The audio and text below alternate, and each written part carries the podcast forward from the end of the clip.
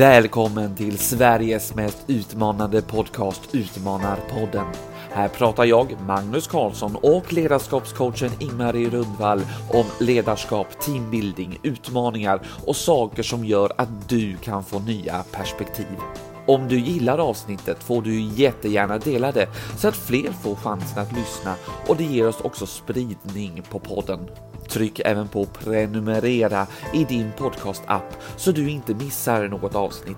Du kan också följa med oss på LinkedIn där vi heter Utmanarpodden så kan du få nya tips och idéer på hur du kan utmana dig själv. I det 56 avsnittet gästas vi av Matilda Karlsson, Cancerlo kallad på Instagram. Och hon berättar om sin tuffa resa, om ett år som inte blev som hon hade tänkt. Hon har genomgått behandlingar och hon berättar den resan och om strategin som gjorde att hon kunde förändra sitt mindset och ta sig igenom det här tuffa året. Det blir en stark berättelse. Ni vill inte missa det här, så nu åker vi.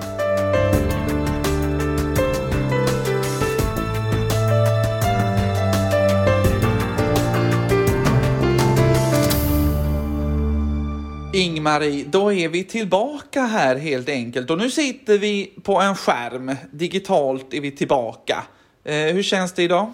Alltså det känns ju fantastiskt roligt att vi är igång igen med Utmanarpodden. Det är ju jättesvårt att förklara det för lyssnarna hur mycket man kan sakna att faktiskt få inspelningsdagarna när det är lite juluppehåll. Så att det är riktigt roligt och jag tycker att det har varit en god start av ett nytt år och den är jag också glad för. Sen tycker jag att restriktioner inte är det roligaste som finns, men nu har vi snart levt med det i två år ju. Men nu skulle vi inte prata om det. Så kort svar ska jag ha det Magnus. Kort svar, det är bra, det känns roligt, en ny säsong har börjat, vi är andra ja vi är på gång liksom igen. Det är en bra start. Det tycker jag också. Och det här är ju faktiskt vår sjunde säsong. Det känns ju väldigt så konstigt när vi startade här för tre år sedan att vi skulle hålla på så här länge. Men det är ju faktiskt väldigt, väldigt roligt. Och det är alltid väldigt roligt att komma tillsammans och reflektera över saker, lära sig nya saker som jag tycker att jag gör och som eh, lyssnarna förhoppningsvis också gör när ni lyssnar på det här. Nu så kör vi ju igång här och idag så har vi en gäst. Jag skulle precis avbryta dig nästan. Du hörde att jag tog luft där. Och så tog och så jag in det direkt säga. liksom. Jag vill inte att du skulle ha den där luften. Just det, då tog du den ifrån mig. Ja, men det är ju det som är så härligt. Att jag ser jättemycket fram emot dagens avsnitt för jag vill också lära mig saker. Ehm, vi heter ju Utmanarpodden om ledarskap och livets utmaningar och idag är det verkligen fokus på livets utmaningar. Vi har en gäst med oss och jag ser jättemycket fram emot allt vad jag ska lära mig som jag också hoppas att fler ska göra. Så jag tycker vi säger hej Matilda! Hej Ingmarie, hej Magnus! Välkommen till Utmanarpodden! Liksom, vi, nu blir det en sportfråga här lite. Hur, hur känns det? Men det känns bra. Eh, ni är så härliga och sprudlande. Jag känner att ni ger mig lite energi och att jag får lov att vara med i er utmanarpodd känns ju väldigt ärofyllt. Hoppas jag kan ge någonting. Jag tror att det ger mig någonting i alla fall. Jag är övertygad om att det kommer, kan nog ge oss alla någonting efter dagens avsnitt. Men jag måste kolla lite, är du poddnovis eller har du eh, varit med i podd innan? Jag har varit med i en podd innan. Livskraft heter den. Eh, och det var lite om eh, just vad som hände mig och jag vet att de hade bjudit in lite andra patienter och sånt också. Så jag vet lite osäker på hur många avsnitt som finns. Men jag ska finnas med där på Livskraft. Och det är väl lite det livskraft som vi kommer komma in på. Och när du nämner patienter, det kommer vi också komma in på under dagens avsnitt. Eller hur Ingmarie? Absolut, men först har vi lite sådana här frågor. Matilda, eh, var bor du, vad gör du, var sitter du nu? Jag bor i södra Halland eh, som eh, tillhör Laholms kommun. Lilla Vänge bor jag i. Eh, jag eh, jobbar på min mans företag och har hand om mycket av det administrativa. Eh, och jag sitter hemma mycket och jobbar, har gjort eh, sedan corona började. Och eh, just nu sitter jag i min klädkammare och pratar med för bästa möjliga ljud. ljudnivå liksom. Ska dämpa allting som runt omkring. Så jag sitter här och har det lite mysigt i min min fina garderob som jag har byggt upp under några år. ja, roligt. Eh, och då måste jag ju säga, för att jag vet ju att vi har lyssnare som har följt mig under många, många år. Och då är det faktiskt så här Matilda, att jag har några saker som hänger ihop med Veinge. Jag har faktiskt varit rektor i Veinge. Se där! Ja, vet, jag har många konstiga saker i mitt CV bakåt och bland annat har jag varit i, i Veinge. Så det var lite roligt. Mm, ja. Där var, hade jag mitt första rektorskap där. Du Matilda, det här är du, du bor där eh, och du ser otroligt glad ut och har en väldigt välstädad garderob kan vi då också berätta ju. Det blev ett tufft år för dig förra året. Eh, och du har ju sagt att du orkar berätta så jag tänker berätta lite, vad hände förra året för dig? Och när du har gjort det så kommer Magnus och jag peppa dig med massor med lärande frågor sen. Men vad hände?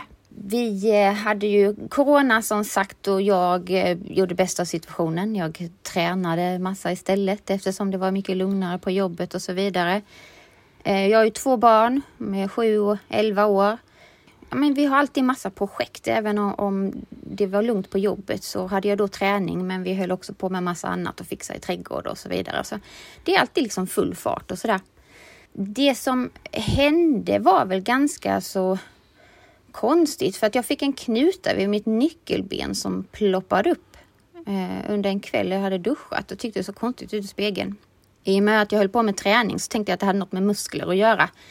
Så jag försökte massera den här knutan och bli av med den. Eh, den sjönk ner men eh, om man känner på sitt nyckelben liksom så, så kände jag ju den fortfarande. Även om den inte syntes så kände jag den där. Ehm, så jag frågade lite runt, jag frågade min tränare. Jag har så konstig muskel, jag försöker massera bort den men det går inte. Ja men det där är nog en körtel. Jaha, vad betyder det då? Så frågade jag min syster. Hon jobbar på en vårdcentral. Så hon bara, nej, jag vet inte. Ska vi inte ta och boka in en tid hos läkaren för att kolla? Och jag går aldrig till läkaren liksom och tänkte nej. Och inte, speciellt inte under corona, för jag tyckte det var liksom bara en knuta. Det var inget sådär, men hon bara, men vi kan ju ta några prover. Så jag, ja, ja, jo men det gör vi. Och så ska jag faktiskt fråga om en hosta som jag haft ett tag också. Och jag, det förvånar mig själv faktiskt att jag sa verkligen att ja, vi tar och bokar in en läkartid och tar lite prover. Jag blev jätteförvånad över att jag själv sa det faktiskt. Men så blev det. Så jag åkte till doktorn och han tog massa prover och jag fick astmaspray. Och sen så berättade jag om min hosta som hade hållit i ett tag. Den var bara som så att när jag gick och la mig på kvällen så behövde jag hosta. Eh, och sen så somnade jag och det försvann. Sen vaknade jag på morgonen och jag behövde hosta, jag behövde harkla mig Eh, och det jag tänkte på det varje dag. Jag tänkte det här, varför, varför gör jag så här liksom? Varför blev det inte bättre och så vidare. Men som småbarnsförälder och företag och projekt i trädgården och så vidare så rullar vardagen på och sen har man glömt det. Och sen kom kvällen igen.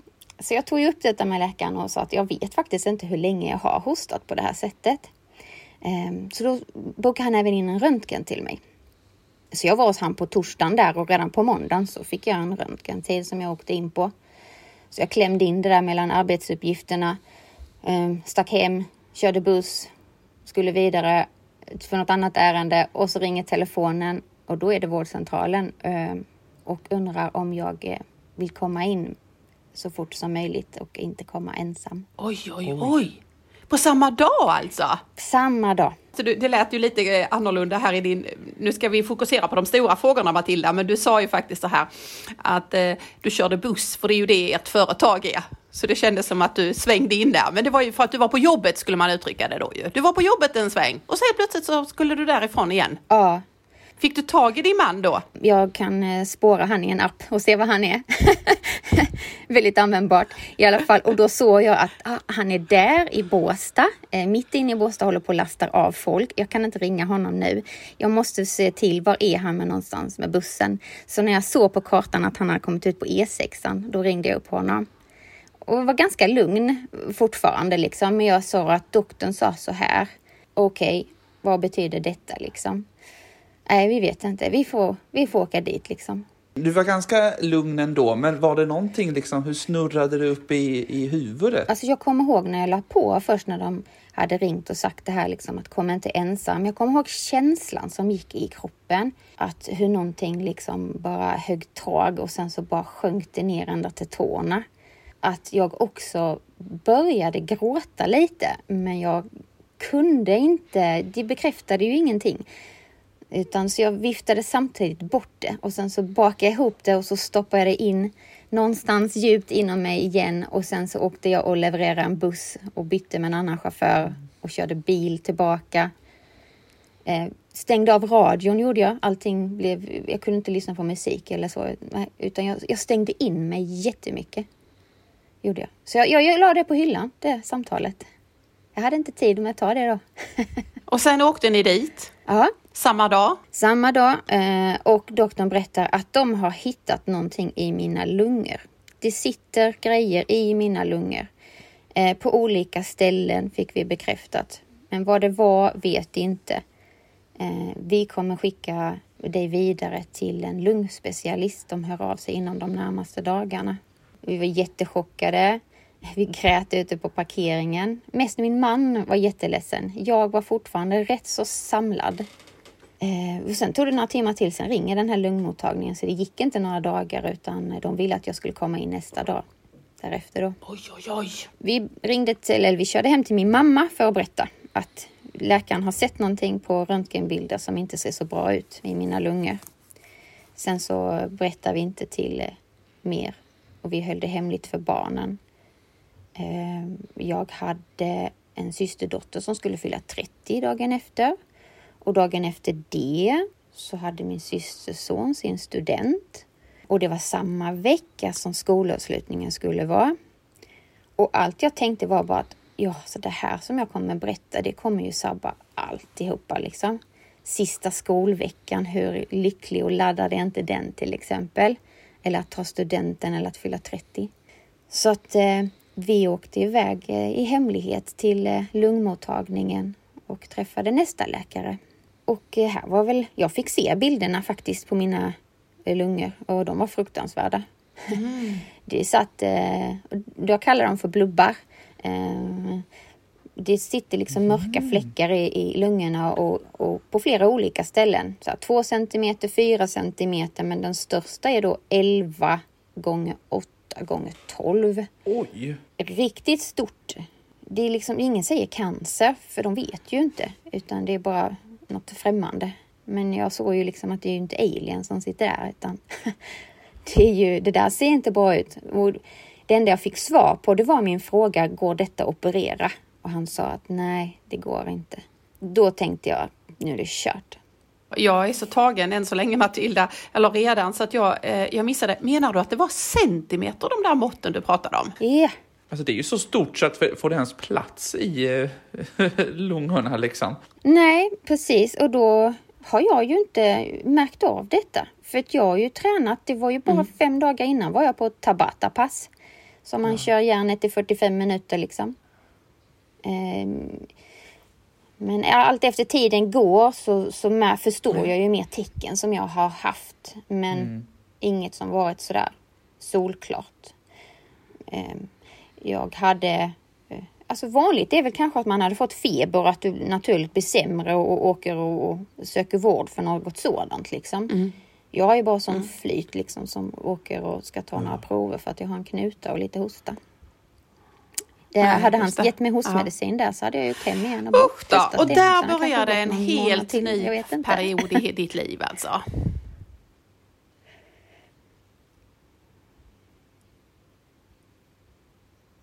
Ja, det var mer än heltid. Jag var någonstans varje dag eh, på massa konstiga undersökningar och jag var i Lund och i Halmstad och jag var på provtagning och, och samtidigt i min hjärna så planerar jag min begravning. Jag planerar hur ska jag kunna vara delaktig på mina barns student flera år framåt i tiden fast jag inte är där.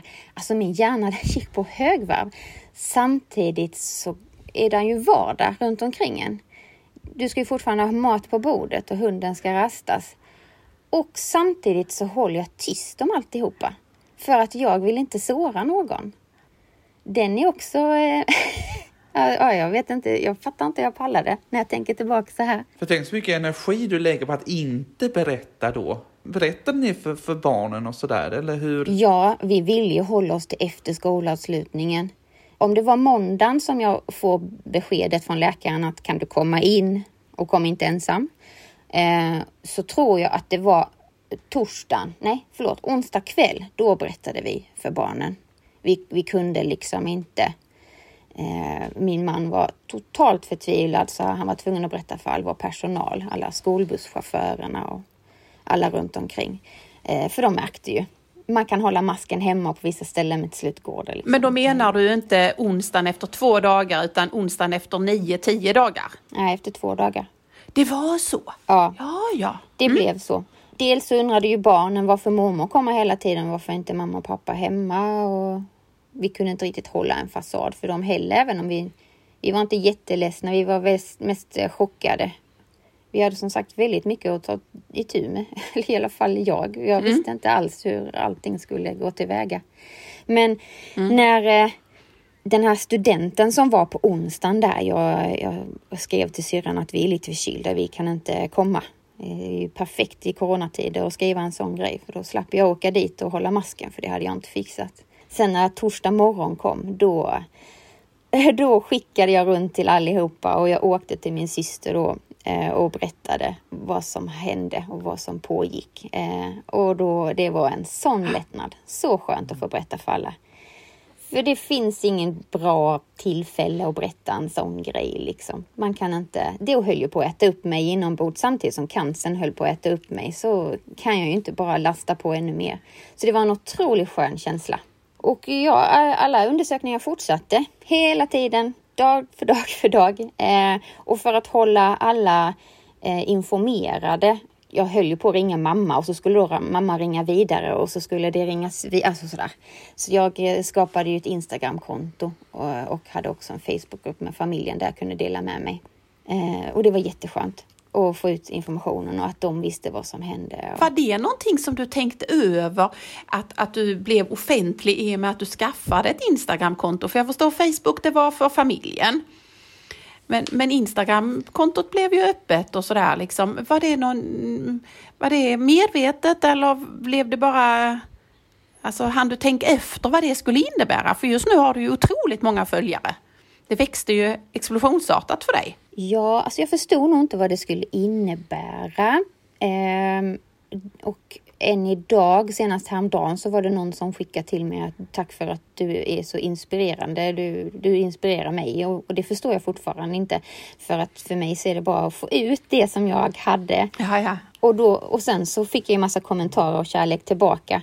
Eh, så det var aldrig någon plan, men jag var väldigt, ville vara väldigt öppen med alltihopa. Och jag tycker som Instagram är ganska så skönt för att där väljer du vem du vill följa och så vidare. Det känns som Facebook är man kompis med alla. Eh, fast man kanske inte följer så noga. Liksom. Ska vi stanna där eller ska du bara fortsätta din berättelse? För alla lyssnare undrar ju hur har det då gått och hur har hösten varit och sådär. Då hoppar vi ett skutt här från en tuff sommar. Jag vet att jag såg dig i Båstad Eh, och ett helt nytt liv och sådär. Vad, vad hur har det sett ut fram till jul sen då? Jo, alltså strax efter de här intensiva undersökningarna som var så fick vi ju reda på att det hade ju inget med lungorna eller lungcancer att göra, vilket jag var väldigt, väldigt rädd för. Utan jag fick någonting som heter Hodgkins lymfom. Eh, alla blubbar som satt i mina lungor, det satt också runt hela hjärtat upp vid matstrupe Och ja, det var väldigt utspritt. Eh, så att jag hade då Hodgkins lymfom och det förstorade var ju olika lymfkörtlar i min kropp då. Och jag hade stadie 4 och det är, har man, alltså är det utspritt i flera olika organ så har man stadie 4 som är den värsta då.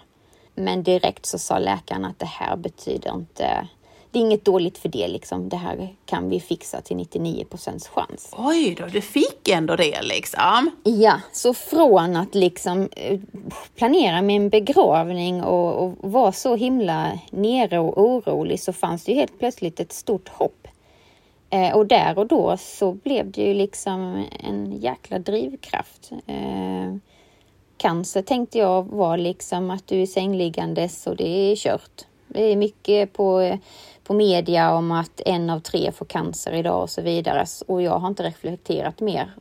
Mm, eh, alltså, jag tänker det borde vara så här många blir friska från cancer idag och så vidare. Mm. Men det där hade jag ingen aning om, för cancer var cancer och cellgifter var cellgifter och så vidare. Eh, nu har jag fått lära mig att det är en helt annan. Det finns ju 30 olika cellgifter och ja, allt möjligt. Jag eh, började på cellgifter, eller cytostatika vill de att man säger, eh, i juli månad. 6 juli började jag och 14 september fick jag min sista. Eh, och med mycket goda prognoser så har de här blubbarna då i min bröstkorg tappat aktivitet. De är inte borta. De kanske sitter kvar som ärrbildningar och många av dem kanske har försvunnit. De flesta har krympt. Jag vet inte hur mycket, Eh, men det är ingen aktivitet i alla fall. Så att jag har ingen cancer kvar och idag går jag på inga mediciner överhuvudtaget. Jag går på kontroller emellanåt. Och de här ärren som sitter kvar i bröstkorgen idag är ju Alltså jag hade ju inte ont av dem innan. Jag visste ju inte att jag var dödssjuk för, för jag var ju i mitt livs bästa form tyckte jag. Och skulle ju också bli din livs bästa form på grund av den träningen som du höll på med där i början på året och sen så då när du eh, gick igenom då och fick cytostak, eh, kan inte ens säga ordet här.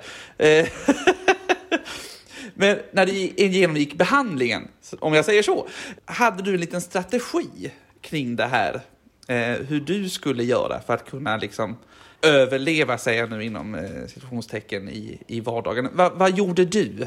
Ja, det fanns ju som sagt en, en tydlig plan över vad som behövde göras med alla dessa cellgifter och, och så vidare. Det var ju otroligt intensivt. Ehm, jag var inte inlagd, men jag var på sjukhuset fyra, fem dagar i veckan.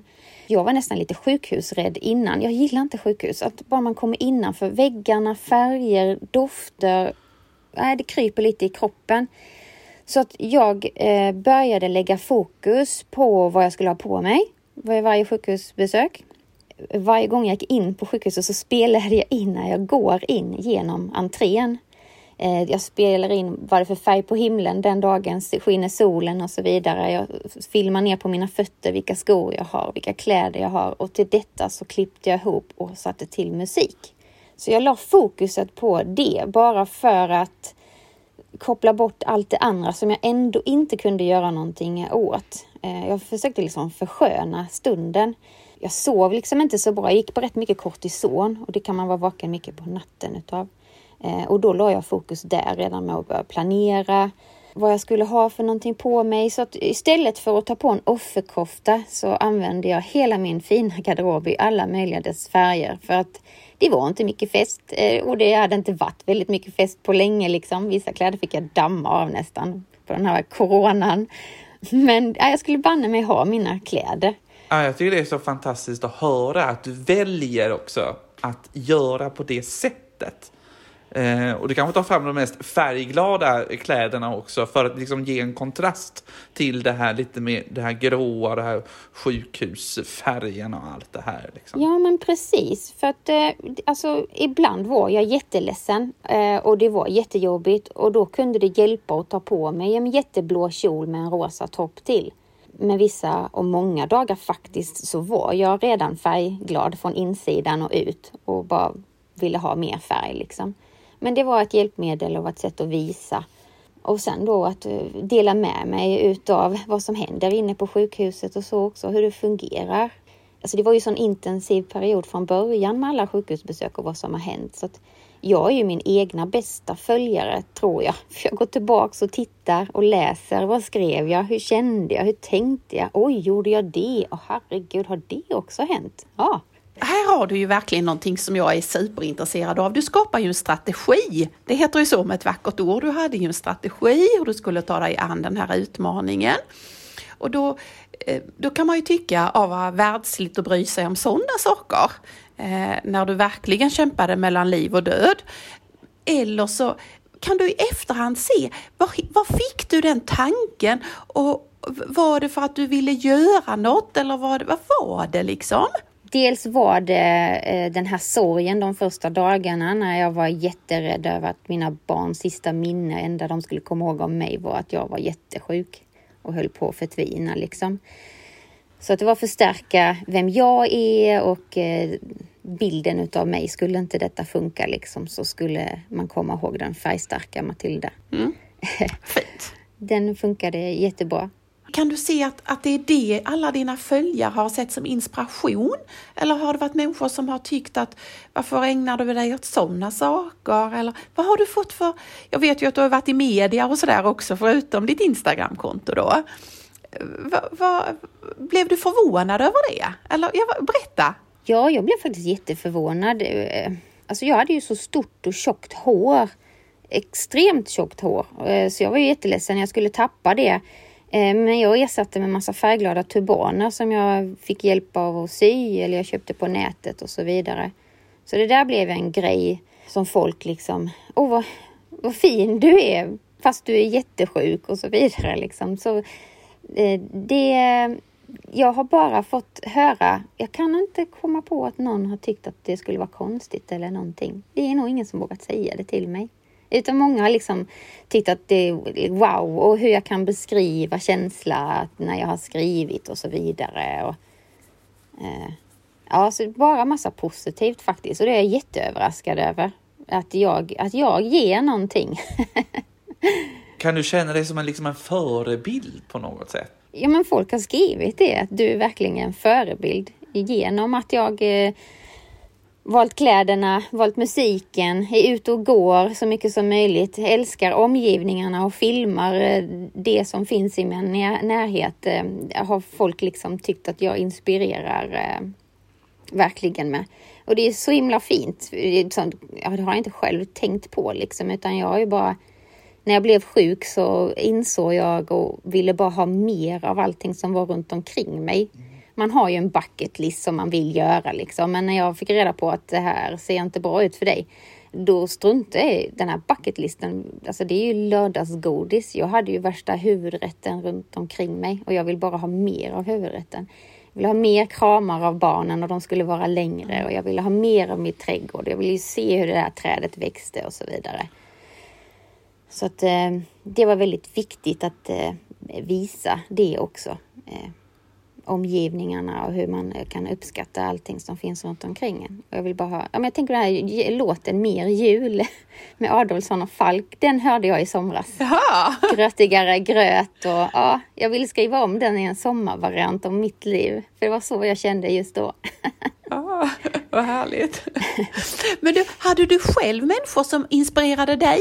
Som var dina förebilder? Ja, men som jag sa det där med Instagram, där tycker jag att man väljer lite. Så att jag eh, sökte på hashtag eh, eh, Hodgkins lymfom då som var min diagnos och hittade flera andra tjejer som genomgick samma behandling. De var lite före mig. Det var jätteinspirerande att kunna se och följa och förstå. Sen även om vi hade samma behandling och samma diagnos så kan man må väldigt olika. Men det var väldigt tryggt och skönt att eh, höra andras eh, vardag, hur de tänkte, hur de mådde och så vidare. Så det var en jättestor inspiration. Har du fått någon hjälp och stöd i det här att vara eh, sjuk tillsammans med två barn? Ja, vi fick ju kurator och så vidare så på sjukhuset. Men eh, det var ju det var ju lite dumt att jag blev sjuk precis när skolan slutade för att barnen har ju en ganska bra trygghet med lärare och kompisar i skolan och sen försvann ju det där och då. Eh, men vi har en väldigt stor fin familj där vi pratar och tar hand om varandra och där hittar ju barnen sin trygghet också. Och vi har varit väldigt öppna med barnen så mycket som möjligt. Eh, sen vet man att barn kanske inte säger, vågar säga allting till mamma och pappa, men då vet vi att då har de kunnat fråga eh, familjen om det har varit någonting som de inte vågar fråga oss. Liksom. Ja, just det. Alltså vilken utmaning! Ja, detta tog ju 20 minuter för att höra en otroligt stor livets utmaning. Eh, och vi hörde också då en av dina strategier. Eh, kan du på något sätt se, vad var den största utmaningen i detta? Alltså jag förstår ju att det är utvar, alltså en massa olika perspektiv, men för det kan ju ofta vara så här med våra hjärnor att de är ologiska. Alltså vi kan ju tycka att det borde vara detta, men vad har varit den största utmaningen för dig? Nej, alltså jag har ju innan i livet bara valt mina utmaningar. nu var det ju cancer som valde mig. Jag fick ju den rätt serverad framför mig och var tvungen att ta mig an den här utmaningen som jag inte hade valt.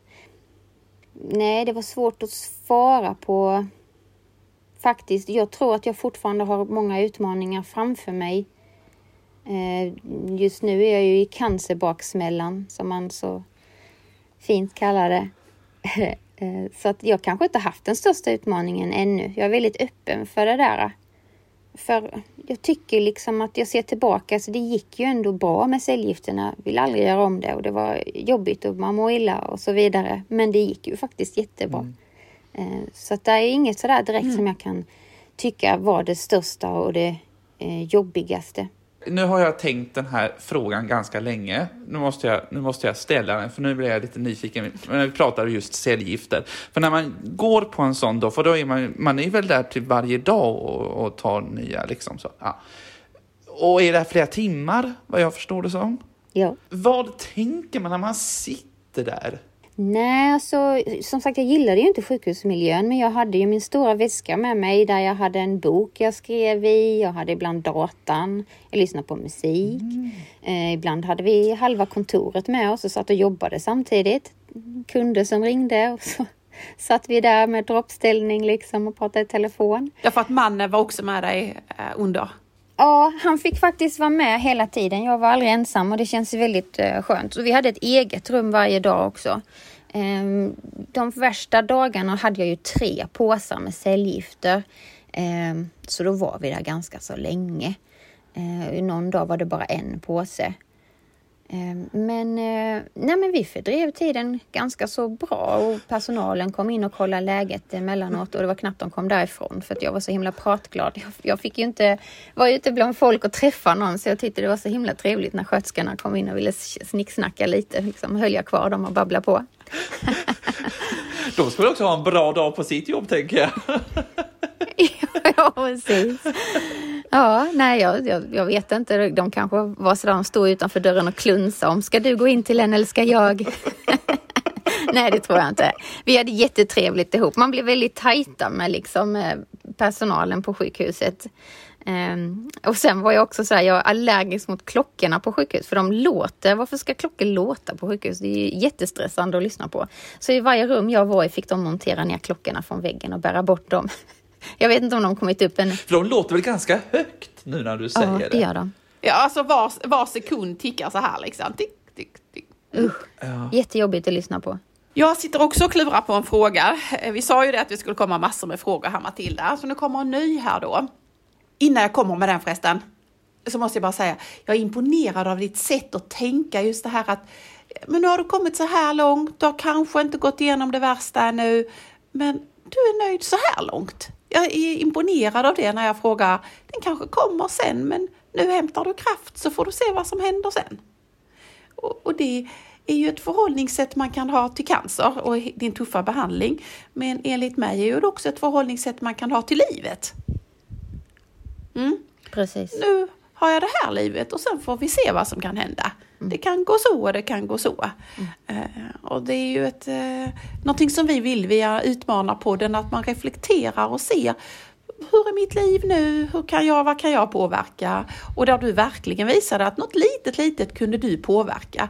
Och, och nu berättar du det utifrån dina bilder att det var färgstarkt för dina killar där hemma och alltihopa. Men för mig är det också en bild av det här som jag tror på att människan måste känna att den gör någonting.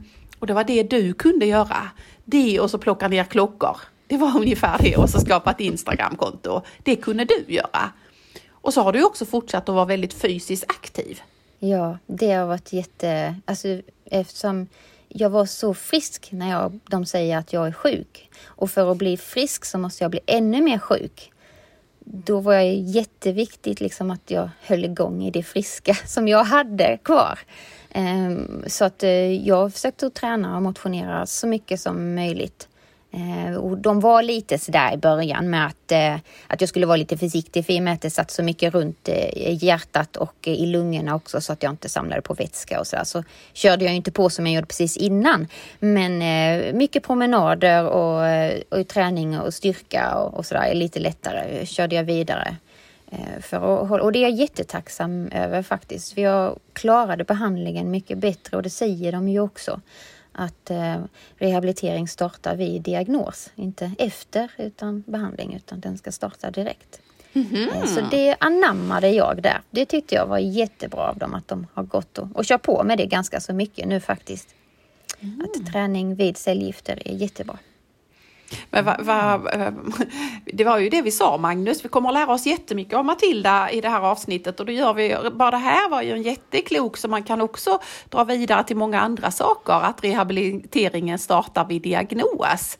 Alltså det var ju en, eh, bara det är ju, eh, man kan ju sätta om den i många andra perspektiv. Mm. Ja. Att man tänker att det kommer sen. Nej, det kommer nu. Det som du vill ska hända sen, det kommer nu. Ja, jag tror inte på det här mitt nya liv börjar på måndag eller nyårslöfte att eh, ny kalender och så nya tag liksom. Utan, nej, kör! Nu direkt. Ja, Varför vänta på det liksom? Så nej, det är bara att hålla igång. Det är jätteviktigt. Och det måste ju, med tanke på din personlighet som i efterhand måste det väl också vara en lärdom att det var skönt att allting drog igång direkt? Ja, men faktiskt. Eh, det har ju gått otroligt snabbt. Det hör man ju andra som får vänta och sen väntar de igen och så väntar de ju. Men här var det ju, ni hann ju knappt varken du eller mannen eller barnen och reflektera utan sen var ni igång. Ja, det var full karusell, alltså det var stora trumman. Det är rätt imponerande och häftigt att se hur vården bara kontaktar med varandra och eh, drar in oss i karusellen och så liksom full fart. Eh, så jag är jättetacksam över och sen så var jag ju så glad när jag fick den här diagnosen som eh, var så god. Eh, och jag la all kraft och styrka och nu när det är över så är jag ju såklart jättetrött för att jag gav så mycket kraft då. Du har ju fått det, vad ska man säga, för några veckor sedan var det ju nyår, liksom en ny start för, för människor och så, men det känns ju som att du har fått en, du fick ju också en, en större nystart. Hur ser du liksom framåt? Alltså det var så, när behandlingen, eh, den hade ju sin plan, det var vissa antal dagar och det var liksom schemalagt med cellgifter och så vidare. Och när jag då fick bekräftat att eh, nu har det funkat och nu är du färdig, då hade jag ju simmat liksom motströms i en å rätt länge eh, och fixat det och tänkte att nu ska jag landa på stranden, på playan och bara slappa och götta mig. Jag var jätte, jätteglad över att vara färdig med cellgifterna och att det hade funkat. Men sen är det inte så. Eh, det är inte så att men du, du har ingen cancer längre, du är ju frisk nu, du, nu mår du ju bra. Eh, men så var det ju inte. Eh, det var väl likadant som när man fick första barnet och gick på, följde en app i vilken vecka man var i och nu händer det här med fostret och sen helt plötsligt så är det en förlossning och så står du där med en bebis helt själv och bara ah, vad händer nu liksom? ja, jag har haft en förlossning men jag fick ingen bebis liksom utan det är liksom... Ja, jag säger att istället för att simma motströms i den här ån så är jag nu ute på mm. havet och är lite vilse eh, och försöker hitta en plats. Eh, så att, och det är bra dagar och det är dåliga dagar, men de bra dagarna där är jag banne mig som jag var innan också. Liksom. Då är det full fart och det är kläder och det är roligt och, och då surfar jag liksom på den här vågen. Sen så är det de dåliga dagarna då jag ja, det är lite strömt på havet liksom. Man inte vet vad man vill eller jag orkar ingenting. Jag är jättetrött. Eller jag bara känner för att vara ledsen och då mm. är jag det. Um, så att det är ingen plan nu längre utan nu är det så här, nu är jag lite själv. Då får jag försöka fundera ut um, vad jag eh, ska göra och ta vidare, vilka medel jag ska använda för det här och så vidare. Så att arbetet fortsätter ju. Men det är betydligt lättare att veta att man inte har cancer i kroppen. Verkligen, och vilken fin metafor också tyckte jag. Med det här, jag har simmat motströms i en å, är lite vilsen, så där, vart ska jag simma någonstans? Och ibland så är det eh, lite strömt också. Jag, jag tyckte det var en sån fantastisk metafor. Ja men tack, det är svårt att förklara liksom, men ibland hittar man så här att ja, men om jag förklarar så här så kanske det är lätt att förstå och känna igen sig. Men har du känt någon gång också mitt i allt detta då, när du är där ute på det öppna havet, så har du alltid varit ungefär en sån här Matilda och ungefär varit sån här och eh, trivts med det och det och varit ungefär och haft de här värderingarna. Har du känt att du skulle vilja ha gjort någon sån här total makeover liksom? Mm, nej, alltså jag har ju kommit på att jag tycker om den jag är. faktiskt. Eh, jag tänkte nästan att jag kanske och när jag blir frisk där under behandlingen, då kommer jag eh, bli en sån här människa. Eller då, ja. då kommer jag nog känna liksom att eh, jag ska aldrig mer göra så och bara göra så. Kan inte riktigt komma på att jag verkligen... Jag var nästan lite besviken över det. att friskheten skulle ta tag i mig och göra mig till en helt ny volym 2. Liksom. Ja, det var det jag funderade på. Matilda 2,0 ja. liksom. Men så blev det inte. Nej, så blev det inte. Jag har kanske fokuserat bort vissa saker. Eh, strunta lite kanske i och bläddra i, i nyhetsapparna och läsa tråkigheter när det finns så mycket godhet också som inte skrivs om. Ja. Ibland så vill man ju kanske bli påmind om sånt. Mm. Det fick jag genom Instagram, om inte fina människor är liksom. Ja, just det. Så, så jag försöker lägga lite mer fokus på, på, på sådana grejer. För vi pratade om du hade hittat strategier i det skiten du har varit och det, det kommer du kunna ha med dig väldigt mycket. Du, du, liksom har, du har klarat av att föda barn, du har klarat av att ta dig igenom den här jätteutmaningen och så. Men kan du redan nu liksom använda ordet ett lärande? Finns det någonting du har lärt dig? Man säger ju det att, i alla fall är det något vi pratar väldigt mycket om i Utmanarpodden, att, att människors erfarenheter och man reflekterar över dem så blir de ett lärande. Och då kan man fundera på, kan du se redan nu? Eller är det som du säger, du är mitt i det, du, du, du har inte riktigt eh, kommit över med näskanten där ute på det öppna havet? Jag visste ju inte att jag kunde skriva eller förklara och, och det förstod jag ju ganska så snabbt när jag fick en massa följare. Eh, och där kände jag ju också att hålla någonting inom sig funkar inte utan jag behöver liksom få ut det. Så det har jag ju lärt mig att jag ska inte gå och hålla på grejer. Så jag är väldigt öppen. Och du har upptäckt en ny gåva som heter att du är verkligen bra både på att formulera dig och berätta med din kropp ju. Och ditt utseende och alltihopa ju. Utstrålningen. Ja, men jag gillar verkligen det. Och Instagram är så bra, för det är ett sånt litet kapitel varje gång. Det är liksom en begränsning på hur mycket du får skriva i ett inlägg. Många bara, du måste göra en bok, men jag ser ju inte ett ände på ett kapitel i så fall. Utan nej, Instagram är lite lagom format för mig att skriva på. Där, där såg du någonting som du inte visste innan. Mm. Nej men absolut, det hade jag inte en aning om. Liksom. Så företagets eh, årsredovisningar nu kommer att ta en helt ny form när du tar ansvar för dem. ja, vi får väl se. ja. De kommer, den kommer läggas ut på Instagram istället. det är där det händer. Ja. Nu har vi ju nämnt ditt Instagram väldigt mycket. Då undrar man ju då som lyssnare, vad heter du på Instagram? Ja, jag heter Cancerlo. I, I ett enda namn liksom? Ja, cancer, L-O-U. Ja, cancer förstår man, men Lo? Ja, alltså jag var i Thailand för många år sedan och jobbade och eh, hade, ja, jag träffade kompisar där och vi började kalla varandra för Lo. Så att jag blev kallad för Tilda Lo. Eh, och när jag blev sjuk så ville jag inte förpesta mitt eh, Tilda Lo Instagramkonto. Eh, så därför skapade jag Cancelo. Eh, för jag tänkte liksom att eh, här kommer hon spotta ut och fräsa och vara sur och bitter. Jag kallar mig för Bitterlo också.